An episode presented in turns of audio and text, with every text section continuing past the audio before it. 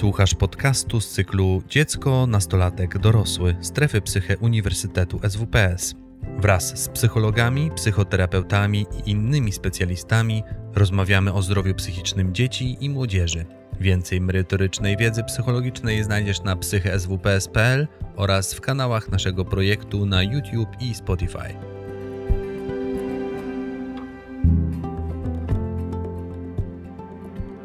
Chciałam e, Państwu opowiedzieć e, o e, takim wymiarze pracy psychoterapeuty, który jest być może nietypowy, który jest trochę odwrotnością tej praktyki, która jest stosowana w większości ośrodków, że to rodzice przychodzą do terapeuty, dziecko przychodzi do terapeuty. Ja stosuję taką praktykę, że to właśnie ja przychodzę do domu. Trochę jest tak, że przychodzę do domu, do systemu rodzinnego. Nie przychodzę tylko po to, aby e, obserwować dziecko, tylko obserwuję to, co się dzieje w relacjach. Można powiedzieć, że tworzę trochę taki portret rodziny we wnętrzu, e, portret dynamiczny. A od czego się to zaczęło? Zaczęło się od tego, że pojawiali się e, u mnie w gabinecie rodzice, którzy przychodzili z różnymi historiami. E, z historiami o tym, e, jakie to jest dziecko niegrzeczne, albo z historiami o tym, że się nie mogą porozumieć z dzieckiem, albo z historiami o tym, że w ogóle nie wiedzą, co się dzieje z ich dzieckiem. Te historie były bardzo różne. Różne historie przedstawiane przez matki, różne historie przedstawiane przez ojców i różne historie składały się wtedy, kiedy oboje rodzice spotykali się e, u mnie e, w gabinecie. I kiedy spotykałam się potem z dzieckiem, z dziećmi, też dostawałam od nich różne narracje, różne historie. Dzieci opowiadały mi o tym, co się dzieje w domu, jak przeżywają kontakt z tatą, z mamą, z, z rodzeństwem. I później stawałam przed takim pytaniem, tak różne historie, jakie ze sobą e, poskładać. E, I to był taki moment, kiedy e, stwierdziłam, że najlepszym sposobem na zainteresowanie się tym, co się dzieje w danym systemie rodzinnym, jest zajrzenie do tego systemu. E, I to było 30 parę lat temu, kiedy pierwszy raz zaproponowałam, a może ja e, e, zajrzę do Państwa, przyjdę i spędzę trochę czasu, żeby zobaczyć, jak, jak wygląda Państwa życie wewnątrz.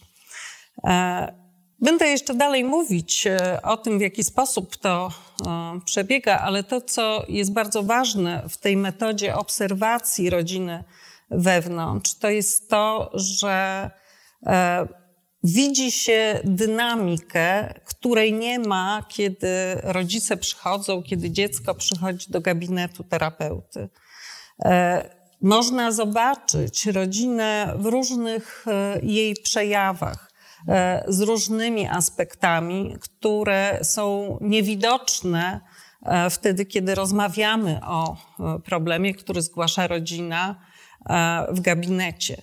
Dlatego też e, od tamtego czasu e, ta wielowątkowość, jaką daje obserwacja, zaczęła mnie fascynować. Zaczęło się okazywać, że historie, z którymi przychodzą rodzice, są ich historiami, ale kiedy się poskłada to wszystko, co widać wewnątrz życia rodzinnego, czasami problem zupełnie inaczej jest zdefiniowany. Czasami okazuje się, że co innego jest e, e, sytuacją trudną, co innego powoduje cierpienie e, rodziny.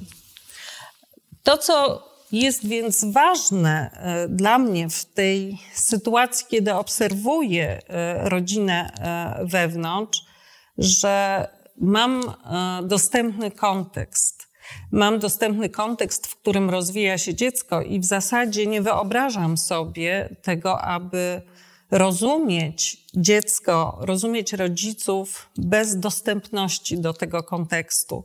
Czyli można powiedzieć, że W zasadzie każda forma pomocy dziecku, młodzieży jest osadzona w jego kontekście życiowym, też społecznym.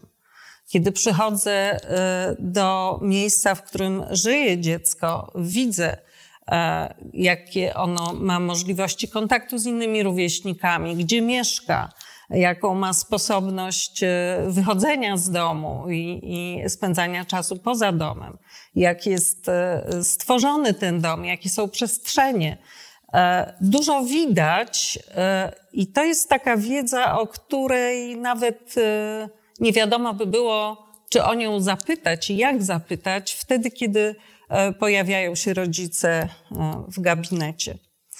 E, są różne sposoby, kiedy e, wykorzystuję tę obserwację e, w domu. Są różne jakby pobudki do tego, aby włączyć tę obserwację w praktykę, kiedy pojawia się jakiś problem i pojawia się rodzic z jakimś pytaniem.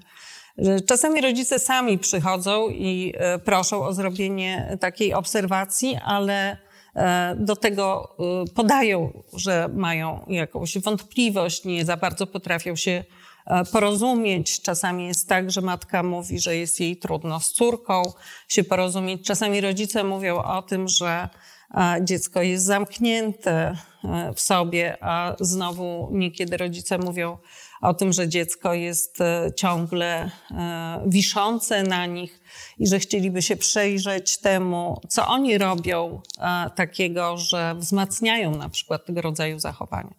Czyli czasami punktem wyjścia jest to, w jaki sposób rodzice e, potrzebują wsparcia, do czego potrzebują wsparcia, na jakie pytania czy na jakie wątpliwości e, chcą znaleźć jakieś odpowiedzi.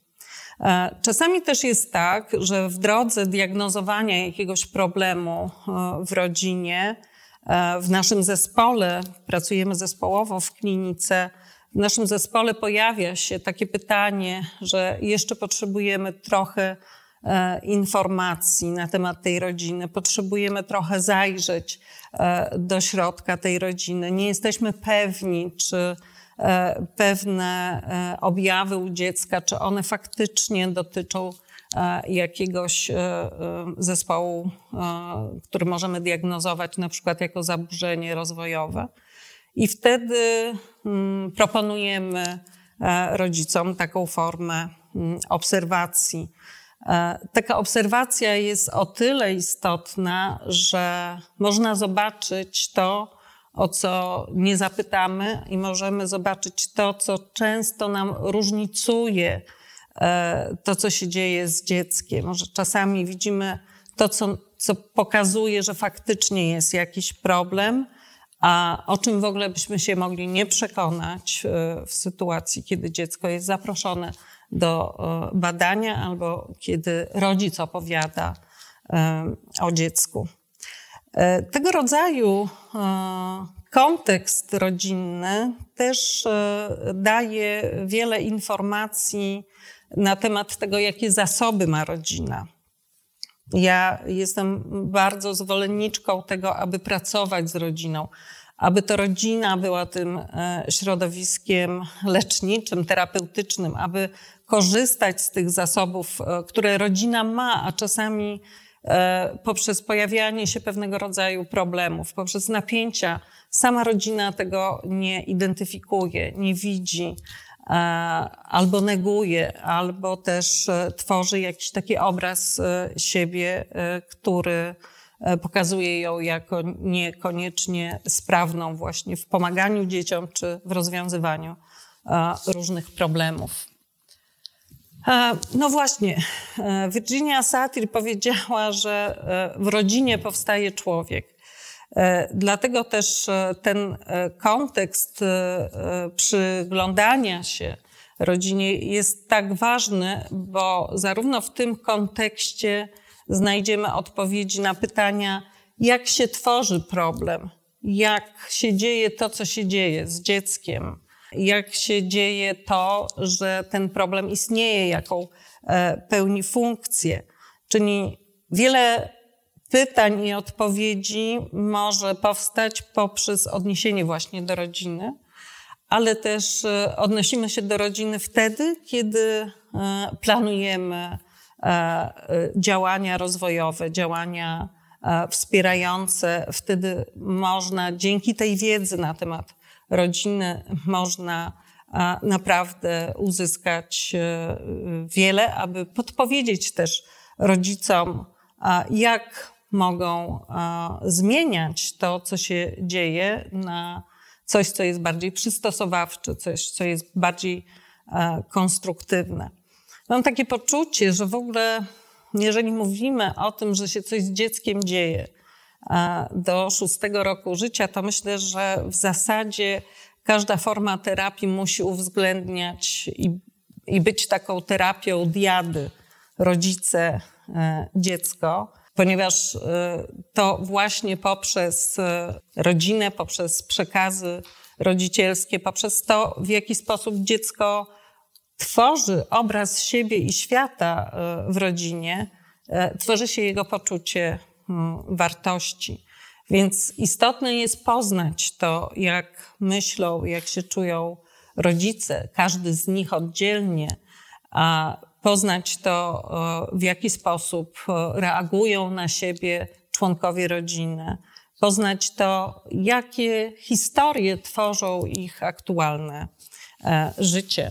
Każda rodzina ma swój język i ma swój system znaczeń. To jest bardzo ciekawe. Nie ma dwóch rodzin takich samych, chociaż Opisujemy rodziny stosując pewnego rodzaju kategorie do tego opisu, ale to, co jest bardzo ważne, to jest bardzo ważne zobaczyć, że w rodzinie jest e, jej własny e, język, są własne historie e, rodziny, są historie, które są bardziej osadzone w przeszłości, czasami są historie bardzo wybiegające w przyszłość i E, przychodząc do mm, rodziny, wchodząc e, do domu, e, widzę, jak istnieje opowieść rodzinna. Widzę powieszone czasami zdjęcia na ścianach, które są punktem wyjścia czasami do rozmowy o dziadkach czy pradziadkach, o historii, o tym,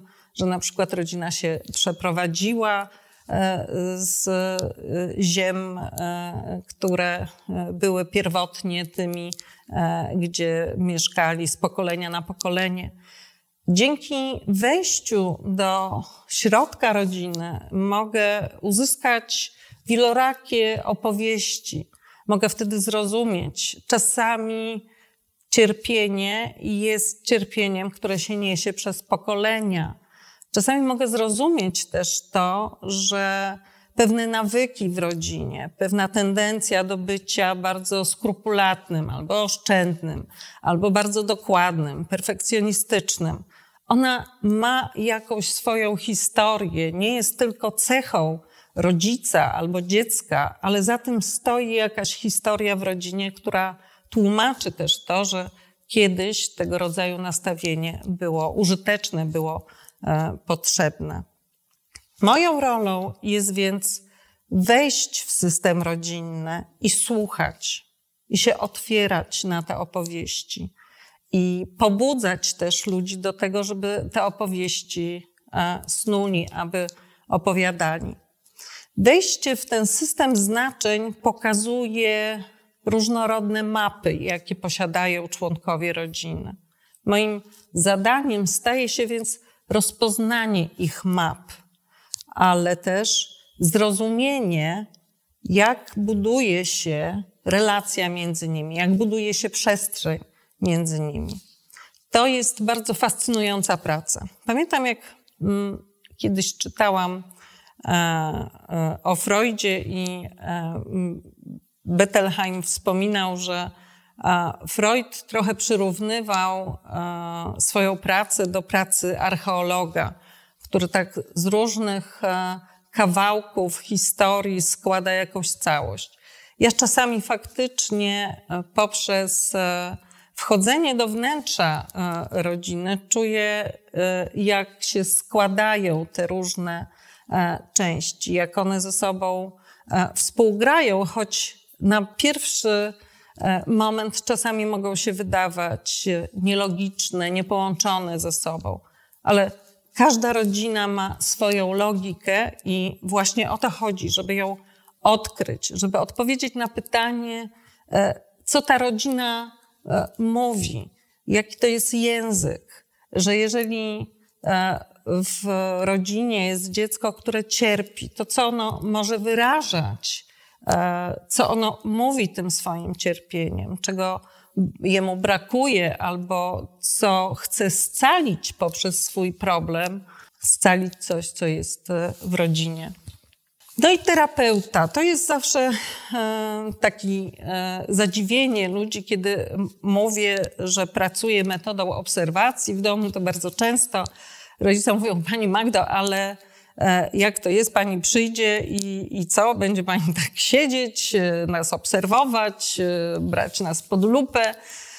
No ja sobie zdaję sprawę z tego, że to wywołuje różnego rodzaju odczucia, no bo to patrzenie, bycie obserwowanym przez e, kogoś innego wzbudza różnego rodzaju odczucia. Nie lubimy e, tego. E, ja tego rodzaju obserwacje robię w ciągu dwóch, trzech, czasami czterech godzin. Ta, ta sytuacja to nie jest taka sytuacja, w której siedzę i milczę i się przyglądam ja wchodzę w ten system. Czyli można powiedzieć, że jednocześnie, tak jak to jest, e, e, jak też tłumaczą e, konstrukcjoniści, zarówno terapeuta jest obserwatorem, jak jest też uczestnikiem danego systemu rodzinnego. Rozmawiam, pytam się o różne rzeczy, przyglądam się, nie robię notatek, jestem, słucham, chłonę, otwieram się na to E, co jest e, w danym systemie. To, co jest bardzo ważne, co jest bardzo istotne, to zaciekawianie się, to wchodzenie do rodziny bez założeń. Ja często, jak jadę do rodziny, się e, bardzo zastanawiam, gdzie jest położony ten dom czy mieszkanie tych ludzi, co, co tam będzie charakterystycznego. Każdy dom ma jakiś swój charakterystyczny i zapach, i wygląd, i atmosferę, i sposób przyjmowania e, ludzi, co jest bardzo istotne. Ja też jakoś poprzez siebie czuję e, tę e, rodzinę. To, co jest też bardzo istotne, to ten stan zaciekawienia i zadziwiania się, który oznacza, że przychodzę bez żadnych założeń, że przychodzę z wiedzą, którą mi przekazali rodzice, z informacjami, które e, czasami są e, poparte jakąś dokumentacją, ale przychodzę z pytaniem, jak żyje ta rodzina, jak to się dzieje, jak oni się ze sobą komunikują, jakie e, są emocje w tej rodzinie, jakie mają wyrazy twarzy ci ludzie, jak żyją, czy mają otwarte E, pokoje, czy mają zamknięte, e, jak się spotykają razem, gdzie się spotykają razem. Ten stan zaciekawienia jest o tyle istotny, że nie przychodzę, żeby potwierdzić sobie coś, tylko właśnie przychodzę po to, aby pootwierać różnego rodzaju pytania, na bazie których powstaną jakieś hipotezy, jakieś próby znalezienia odpowiedzi na to, jak wesprzeć tę rodzinę, właśnie tę rodzinę, a nie jak zastosować e, przyjęte i typowe różne mm, techniki. Mówię o tym dlatego, że mam takie poczucie, że w życie e, rodzin bardzo mocno wkracza takie zjawisko, które w ogóle obserwujemy społecznie, jak psychiatryzacja i medykalizacja e, naszego życia, gdzie e, czasami rodzice przychodzą bardzo zaniepokojeni jakimś faktem pojawienia się e, jakiegoś stanu u dziecka, który jest bardzo szybko zamieniany na jakiś symptom. Czasami rodzice dzwonią i mówią: Bardzo prosimy o obserwację, bo nasze dziecko jest, jest chyba depresyjne, ma depresję. Pytam się, a co się dzieje? No taki smutny jest. Bardzo dużo jest w naszym życiu społecznym języka, który patologizuje, który opisuje pewne zjawiska w sposób, który już zamyka, e, który jest etykietą, e, który stygmatyzuje. W związku z tym, tym bardziej e, ten sposób prowadzenia obserwacji, która jest właśnie oparta na przyglądaniu się, na czuciu, na odbieraniu tego wszystkiego, co jest w sposób bezpośredni, autentyczny, bez nadawania nazewnictwa, ten sposób przybliża nas do jakiejś faktycznej atmosfery rodziny. I do takiego języka też zapraszam e, rodziców, do takiego języka zapraszam też, e, abyśmy rozmawiali na temat rodziny. No właśnie, przyjście y, kogoś, kto zajrzy y, do wnętrza rodziny, y, budzi różnego rodzaju lęki, różnego rodzaju niepokoje. Rodzice czasami pytają się mnie, a co będzie, jeśli dziecko nie pokaże tego napadu złości, o który nam chodzi? A co będzie, jeżeli w ogóle nie zechce z panią porozmawiać? A co będzie, jak my wszyscy będziemy sztuczni? No i właśnie wtedy e, odpowiadam, no to będzie tak, jak będzie. To też jest jakiś język. E, ponieważ tak jak mówił e, Paul Wacławik, nie można się nie komunikować, to, to też będzie sytuacja, która coś pokaże. To też będzie sytuacja, która coś albo odsłoni, albo pokaże jakieś zasoby. Te lęki u rodziców też pokazują ich mapę, mapę myślenia o sobie, mapę przeżywania swojego rodzicielstwa. To są bardzo trudne sytuacje, kiedy rodzic konfrontuje się z tym, że coś się dzieje z dzieckiem, bardzo często odnosi to do siebie, bardzo często szuka w sobie e, różnego rodzaju e, przyczyn, powodów, albo szuka y, jakiegoś wyjaśnienia, e, żeby ulżyć jakiemuś swojemu e, cierpieniu. Lubię ten termin, który e, wprowadził Donald Winnicott, który powiedział, że nie ma idealnych rodziców, że są wystarczająco dobrzy rodzice. Myślę, że to bardzo zwalnia rodziców od takiej kompletnej odpowiedzialności za to, co się dzieje z dzieckiem, ale też pokazuje, że drogą rodzica jest pytanie, wątpienie, wahanie się i że im bardziej rodzice się na to otwierają, tym więcej mogą znaleźć dla siebie użytecznych odpowiedzi, podpowiedzi, jakichś znaczeń, aby mogli e, wobec e, swoich dzieci działać o wiele skuteczniej. Te lęki, które się e, rodzą w momencie zapowiedzi wizyty psychoterapeuty, one też są ważną treścią w samym procesie wspierania rodziny, w samym procesie pomagania e, rodzinie. Bardzo doceniam wszystkich rodziców, którzy współpracują z nami, wszystkich rodziców, którzy widzą, że coś się dzieje z dzieckiem i chcą im pomagać, bo tylko dzięki ich sile terapia tak naprawdę, terapia dziecka, terapia nastolatka tak naprawdę może być skuteczna. Więc to, że się te lęki pojawiają, to jest coś naturalnego. Nie zadziwia mnie to, nie przeraża mnie to. Czasami mówię, że jak najbardziej to rozumiem i e, przyjmuję.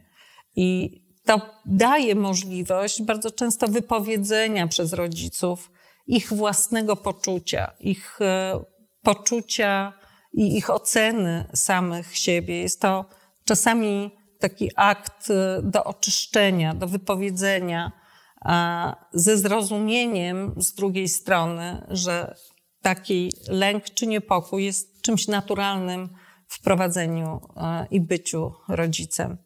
Myślę, że rodzice mają w dzisiejszych czasach o wiele więcej dylematów niż to było kiedyś, kiedy e, ta rola rodzicielska była bardzo jednoznaczna, była określona i było wiadomo, co to znaczy być matką, co to znaczy być ojcem.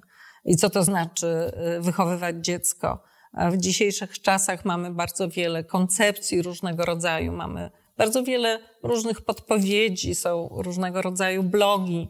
E, nie tylko wypowiadają się osoby, które się naukowo zajmują badaniem tego, co się dzieje z dziećmi, z rodzinami, ale też wypowiadają się sami rodzice. E, więc mnóstwo jest informacji i czasami rodzice przychodzą właśnie z takim dylematem. Jest tyle informacji, one często są sprzeczne i nie za bardzo wiemy, e, co z tym zrobić. To, co widać e, w środku rodziny, to e, są właśnie różnego rodzaju procesy. Widać, jak rodzina wchodzi ze sobą w interakcję, jak ze sobą rozmawiają. Widać, jakiego rodzaju komunikaty na przykład przekazują rodzice. Czy to są instrukcje, E, czy to są podpowiedzi, czy to są komunikaty emocjonalne, czy to są komunikaty, które są trochę monologami rodziców. Czasami rodzice przychodzą, pojawiają się z takim problemem, że dziecko jest bierne. No a to, co e, zobaczę e, w domu, pokazuje mi, że dziecko dostaje od rodziców bardzo dużo instrukcji. E, weź to, nie bierz tego, zrób to, nie rób tego. A czemu powiedziałeś, a czemu nie powiedziałeś, a czemu to zrobiłeś, a czemu nie zrobiłeś? I dostają bardzo wiele komunikatów czasami, e, które są ze sobą sprzeczne. To w trakcie takiej obserwacji można e, zobaczyć. Można zobaczyć też, co się dzieje w sytuacjach, w których dziecko szuka ukojenia u rodzica jak reaguje rodzic, jak, co robi drugi rodzic. Czyli to, co jest bardzo ważne w tym procesie obserwacji, to patrzenie od takiej strony e, następowania po sobie różnych reakcji, które są ze sobą połączone. To jest patrzenie nie poprzez przyczynę i skutek, ale to jest właśnie patrzenie na to, jak dziecko krzyczy, e, co robi mama, a co robi tato? Jak mama przytula dziecko, które krzyczy, jak zareaguje na to tato? Gdzie jest tato? Jaką ma reakcję? Jak dziecko nie może czegoś zrobić, to co robi rodzic? Jak reaguje? Jak jemu podpowiada? Co robi wtedy drugi rodzic? Co robi y, rodzeństwo w tym samym czasie, kiedy jedno dziecko zdobywa uwagę któregoś z rodziców albo e, zdobywa uwagę obojga e, rodziców. Tej dynamiki nie jesteśmy w stanie uchwycić wtedy, kiedy jesteśmy w gabinecie, kiedy robimy wywiad, kiedy pytamy rodzinę o to, jak widzi różne swoje interakcje. W trakcie tej obserwacji też widać, w jaki sposób dziecko radzi sobie e, z napięciem, w jaki sposób e, odreagowuje różne sytuacje, na przykład niepowodzenia. Jedną z sytuacji, którą obserwuję, to jest między innymi jakaś gra, w którą e, rodzice i dzieci czy dziecko wspólnie grają.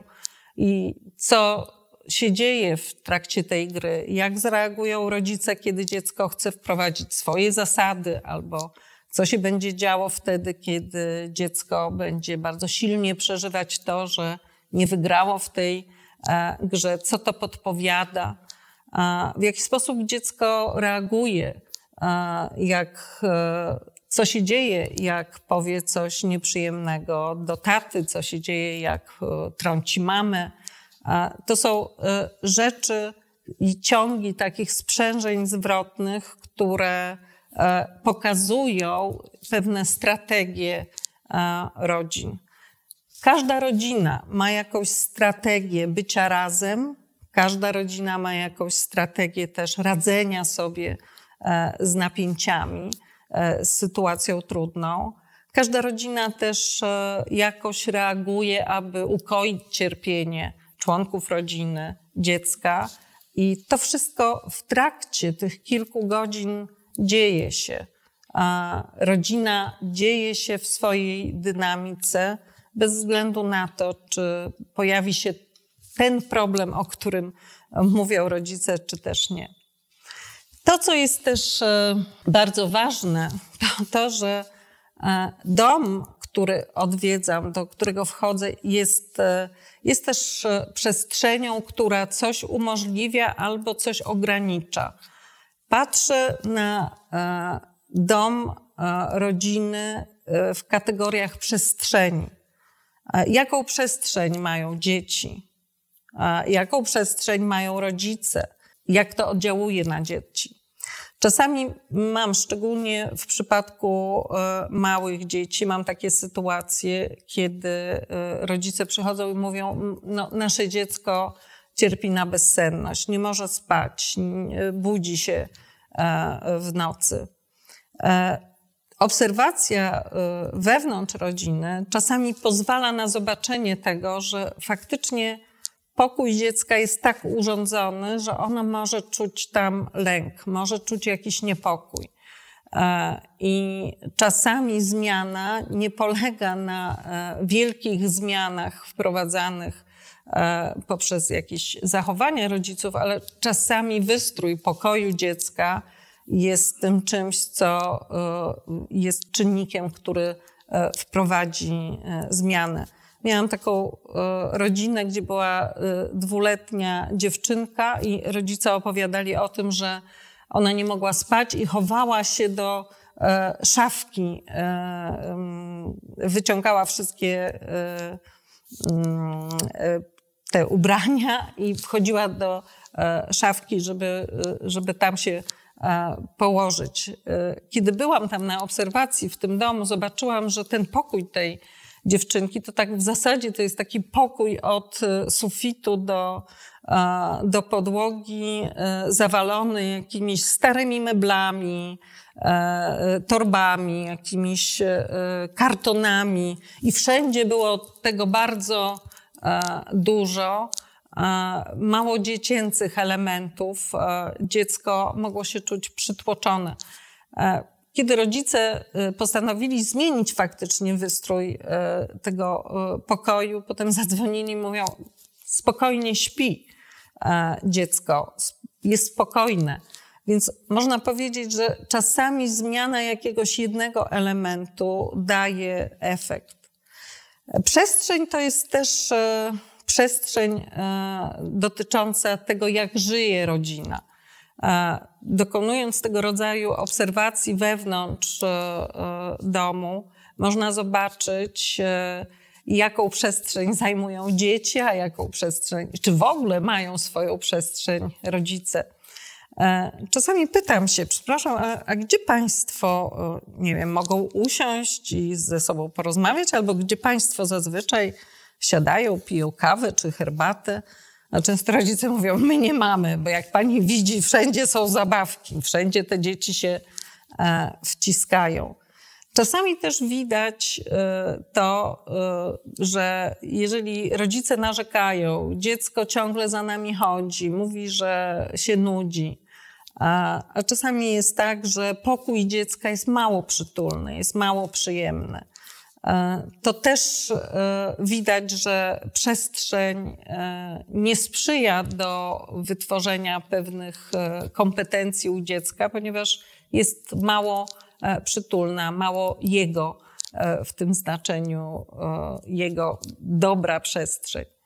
Więc możemy popatrzeć na przestrzeń rodzinną też w takich kategoriach, jakie są kolory, czasami dzieci są bardzo pobudzone e, i jeszcze w pokoju mają bardzo wiele kolorów, bardzo dużo różnego rodzaju e, zabawek. Rodzice mówią, no nie mogę jego uspokoić przed snem.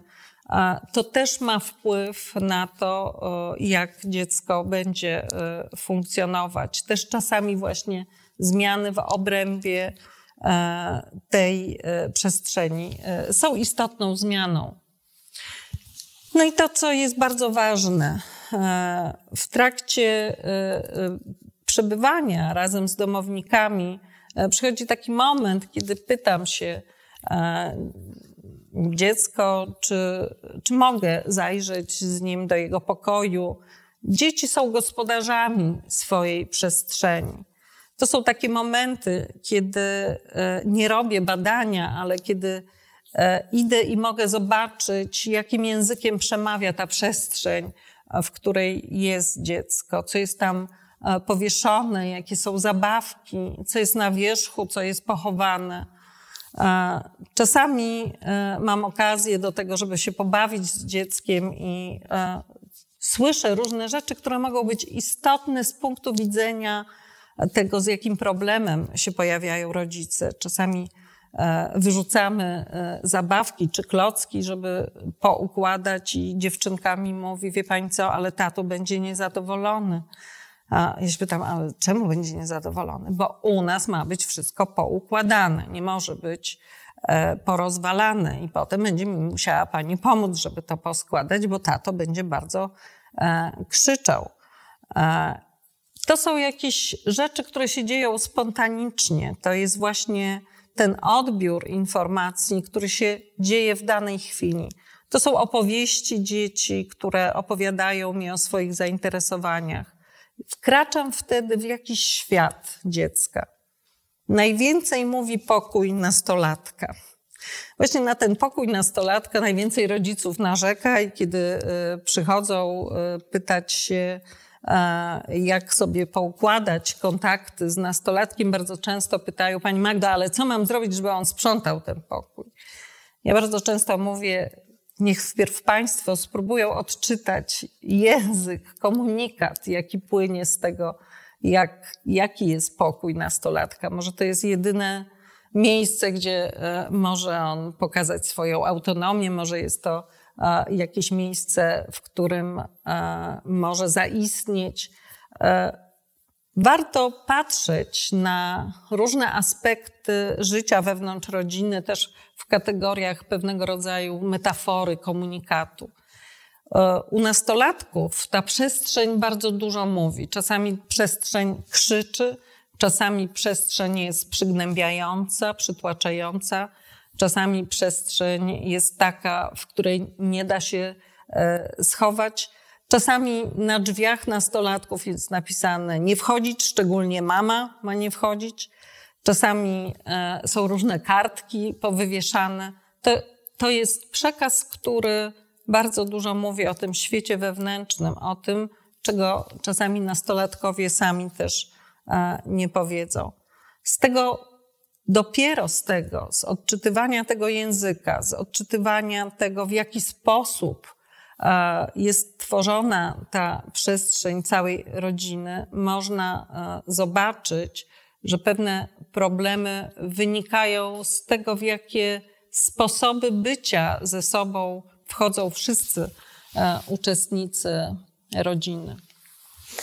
To, co następuje później, to e, jest cała praca już poza tym, e, tą obserwacją w rodzinie, ponieważ na podstawie tych zebranych informacji, wrażeń, tych e, informacji, które e, pochodzą z opowieści każdego członka rodziny. Na podstawie tego powstają hipotezy. Stawiamy hipotezy, jaki może być problem, jak on się może tworzyć w systemie rodzinnym.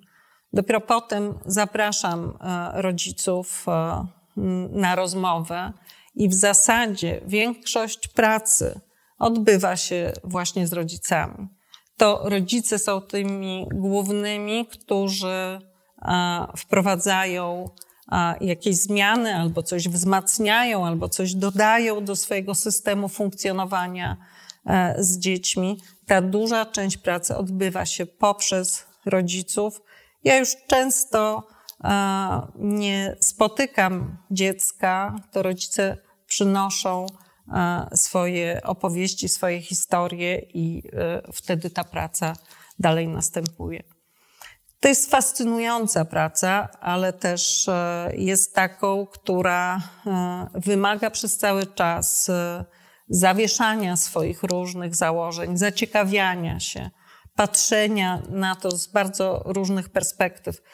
I wczoraj, dzisiaj tutaj wiele osób mówiło o tej polifonii, o wielogłosowości perspektyw i właśnie obserwacja wewnątrz rodziny jest jedną z takich metod, która odnosi się właśnie do tej wielogłosowości.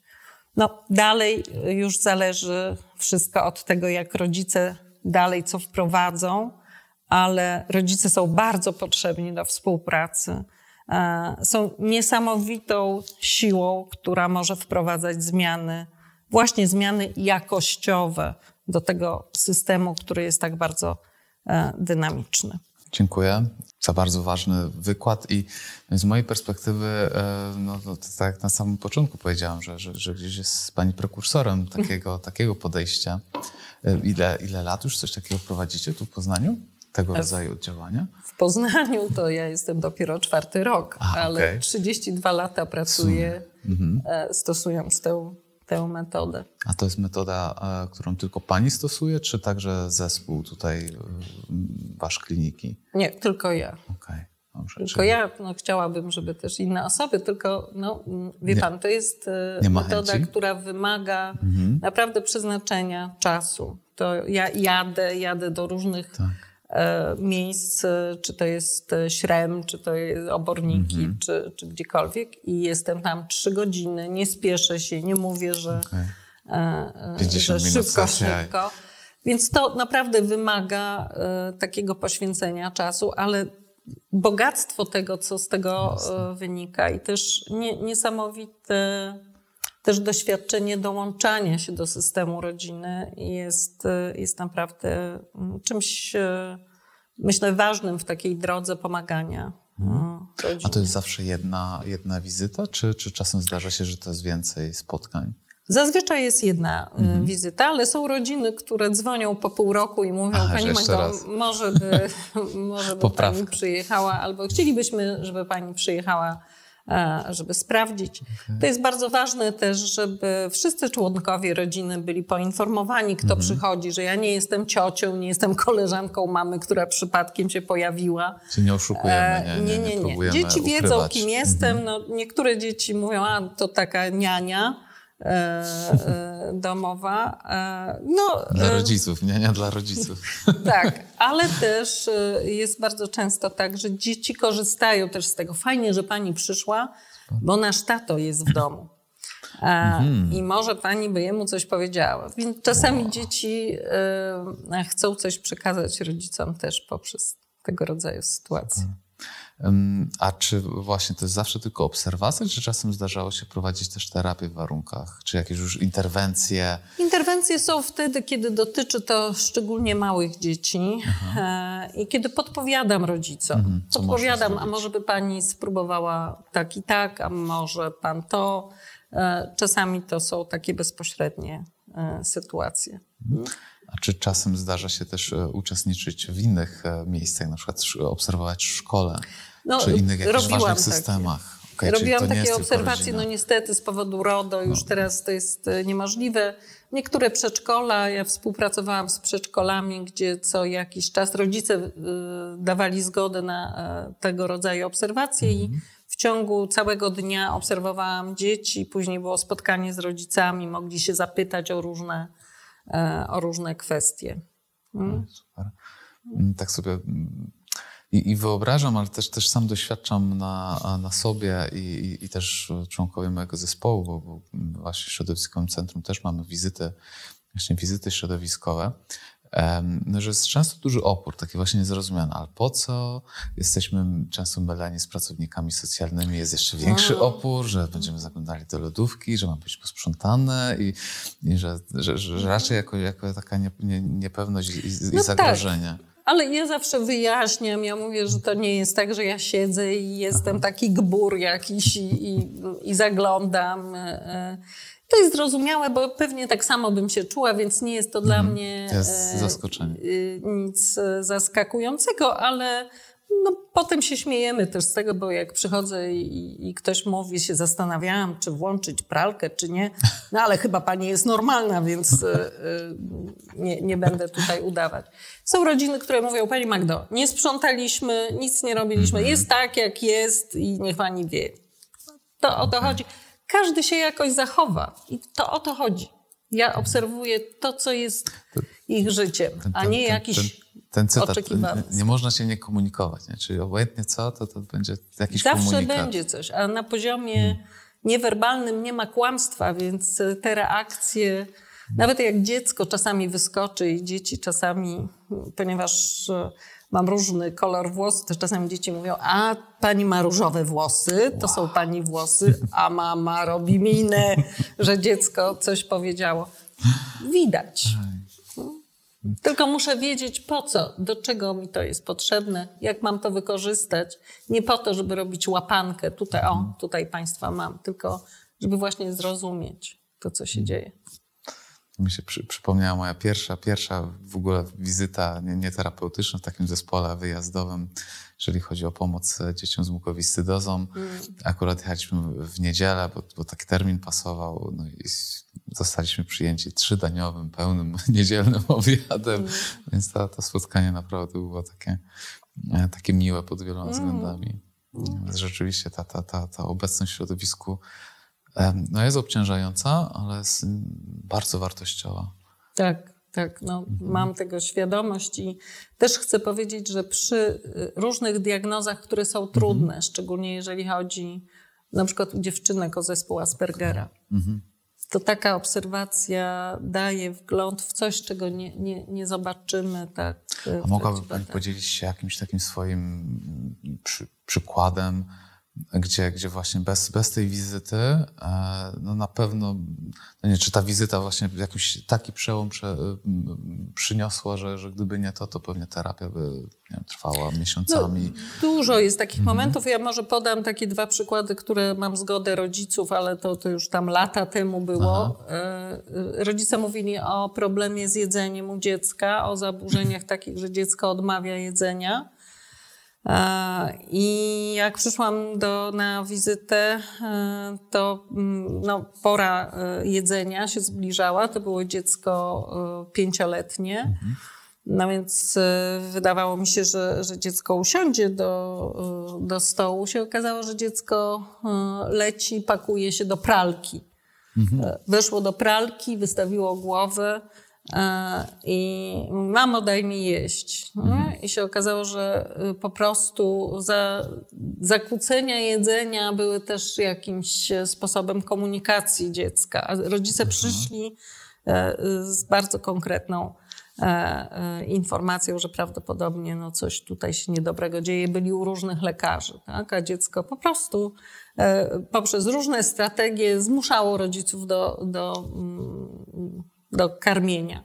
A drugi przypadek, kiedy dziecko agresywne e, w, w przedszkolu i wezwanie, że mm, mają się rodzice skontaktować z psychologiem, bo dziecko bije po głowie inne dzieci bardzo tak mocno i no, no tam się e, nieprzyjemnie zaczęło e, robić i ja byłam na obserwacji i mm, wieczorem pamiętam i był taki moment, kiedy kiedy już tam się dzieci szykowały do kąpania.